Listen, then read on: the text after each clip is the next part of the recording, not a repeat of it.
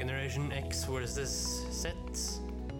Sandberg Productions presenterer Den ekte samtalen om og med generasjon X og Z. Hold deg fast og nyt.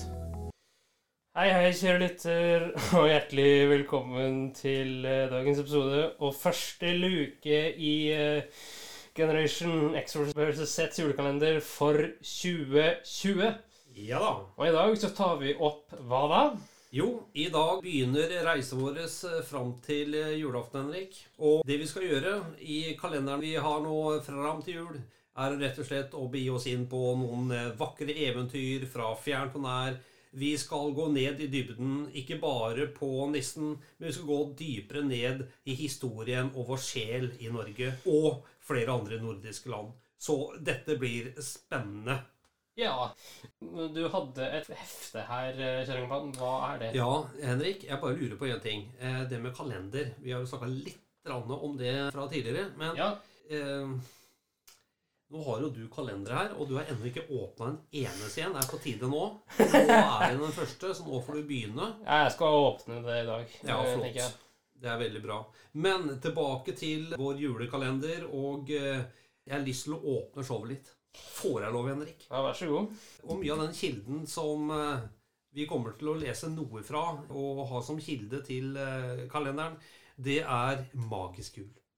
Det er julens myter og overtro og fortellinger og julemysterier i den mørke tiden. Ja, Det er en eh, julebok av Line Terkelsen. ja øh, da lener jeg meg tilbake. Len deg tilbake og bare nyt Mer uten popkorn, eller hva skal du ha? Nei, eh, jeg skal bare sitte her og eh, prøve å nyte. Ja, ok. Men det gjelder deg også, kjære lytter. Her står det I denne boka finner du ikke historier fra da jeg var liten, men fra da din mormor var liten, og enda før det. Tiden før jul var like mørk da som nå, men de hadde ikke strøm som ga lys i lampen. Hvis du leter langt bak i bevisstheten, bak den bevisstheten du har felles med alle nordmenn som har levd før deg, finner du noen dunkle minner fra fortidens tankesett. Kanskje er det en halvveis utslettet tro på en husgud som passer på gård, folk og fe, som ligger der og lurer. Denne husguden kom først fra skogen og bosatte seg under tuntreet. Kanskje tuntreet ble hogget så han måtte flytte inn på låven, ja, kanskje han våget seg opp på loftet. Årene gikk, og husguden glemte etter hvert alle minnene om skogen, og begynte å kle seg i bondens klær. Det var ei trøye av ull, knebukser, skjorte og ei rød topp med dusk. Kanskje han finnes ennå. For å sikre at vi hadde denne gamle karen på lag, at han sørget for lykke for oss i hjemmet, måtte vi ofre til ham slik vi gjør med guder som trekker i tråder og bestemmer hva vi har i vente. I vikingtiden, og før det, kunne man gjøre slikt åpent lyst. Det var helt normalt. Men etter religionsskiftet gikk tilbedelsen av slike husguder under jorda, og i juletiden lever den side om side med Jesusbarnet i krybben. Mystiske vesener lever videre i fortellinger som har gått fra munn til ører i generasjoner. Så lenge mennesker har samlet seg i mørke vinterkvelder, har historier blitt fortalt så ører sto på stilk og øynene ble trillerunde i det flakkende lyset fra ilden. Historier om hva som befant seg utenfor den dyrebare ringen av lys det ingen så eller forsto noe av. Der ute i mørket og kulda var det farlig å ferdes. Og det var jo for så vidt sant, selv uten uvennlige troll og nisser som sto på lur. Det er nok ingen tilfeldigheter at Nordens barske natur og klima rommer de avskyelige vetter og skrømt som inn tenkes kunne. Men overraskende er det kanskje at julen er så tett forbundet med onde ånder i folketroen, omtrent overalt der den feires. Men for at så mange som mulig skulle komme seg gjennom vinteren her nord, var det særs viktig å stå sammen, bidra til fellesskapet og holde fred med hverandre. Det var den gang dette ikke bare var fine ord, men et spørsmål om liv og død. Og fortellingene hjalp til med å holde ro i rekkene og samles som ett felles mål og skremme vettet av hverandre. Julen forbinder vi med lutherkos og hygge, og godslige julenisser som kommer med gaver, men eh, som du kanskje aner, har det ikke alltid vært sånn. I gamle dager var julen en tid da et mylder av onde ånder nærmest sto i kø for å kverke den stakkar på det mest ustudert og snedigste vis, eller bare gjøre livet surt her på jorden. Imot jul måtte f.eks. Eh, finnene passe seg for badstuenissen. Den svenske bondestanden lot seg på den annen side styres av et sinnrikt regelverk for ikke å påkalle de onde ånders vrede i julen. Svenskene måtte f.eks. ikke finne på å la vakthunden stå i bånn julaften. Island kan skryte av et stort slektstre av troll, iberegnet en katt, som kom fram i julen og fanget mennesker, og som alltid var barna særlig utsatt. Lengst nord levde sagnene om mørkemaktene sterkest når vinternatten var på sitt mest ugjestmilde. Samefolk levde på naturens premisser og nåde den som tirret på seg julestallo. Han var både troll, djevel og menneske, og manifesterte seg i naturen hvor det finnes merker etter ham den dag i dag. I uminnelige tider har vi fortalt hverandre historie i julen for ikke å komme på avveier, gå oss bort i snøen og fryse i hjel. Ungene ble skremt til taushet og ro i de lange dagene innendørs. Fryktelige konsekvenser ventet dem som ikke fulgte avtaler og regler, foranstaltninger og ritualer.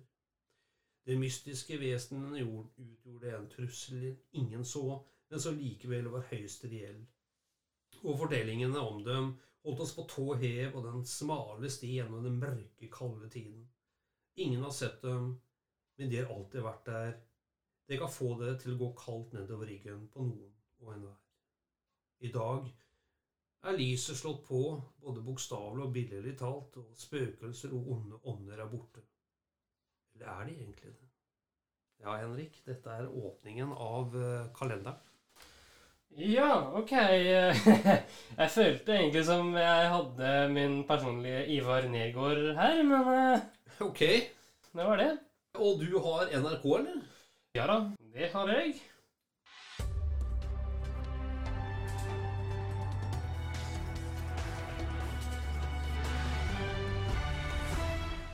NRK-hjørnet.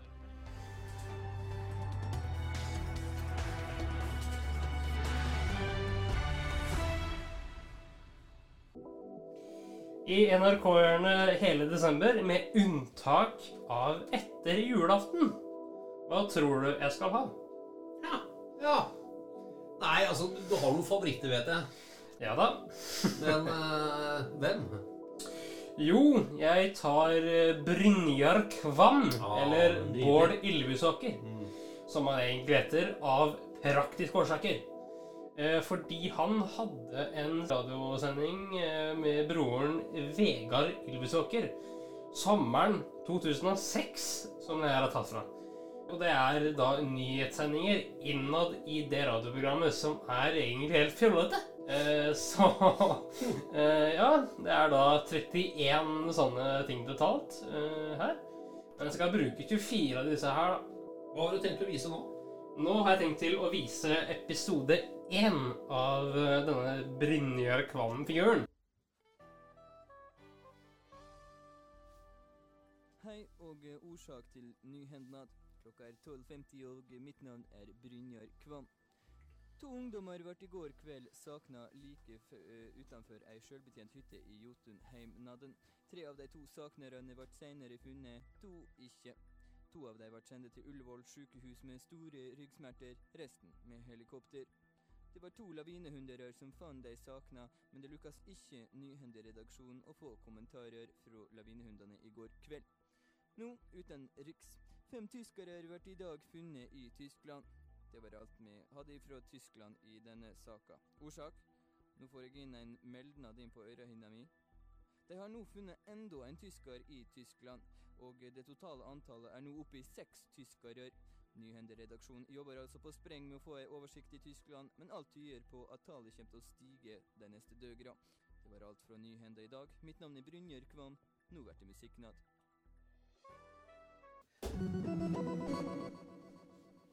Det var første episode av Nyhendad. Ja, du er glad i han uh, Kjakan der?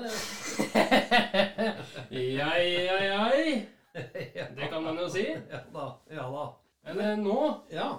uh, så skal vi få presentert noen gåter av en gammel kjenning. Okay.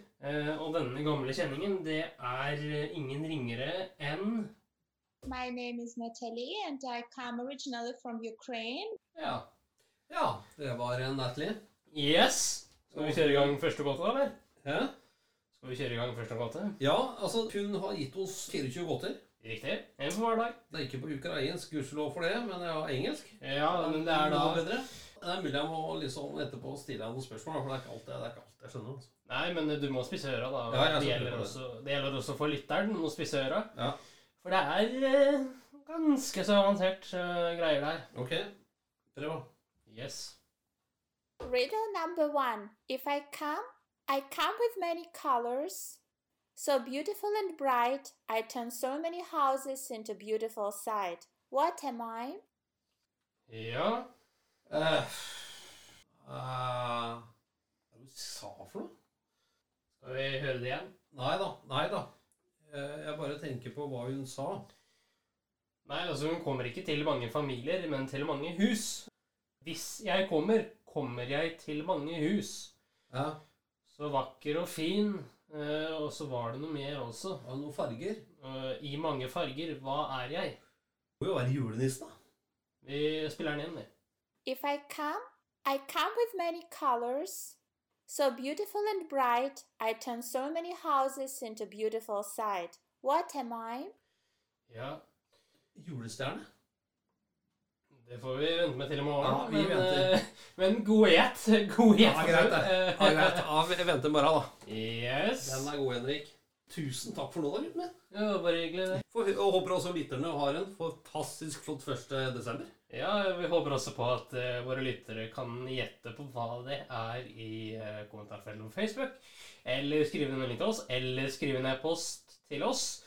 Vi har Generation X versus Z at sonicproductions.com som er vår adresse. Vi heter Generation X versus Z på Facebook. Tusen takk for at du fulgte oss. Gi gjerne tilbakemelding, likes eller kommentar på Facebook-siden vår Generation X versus Z. Velkommen igjen til neste podkastepisode. Hei då!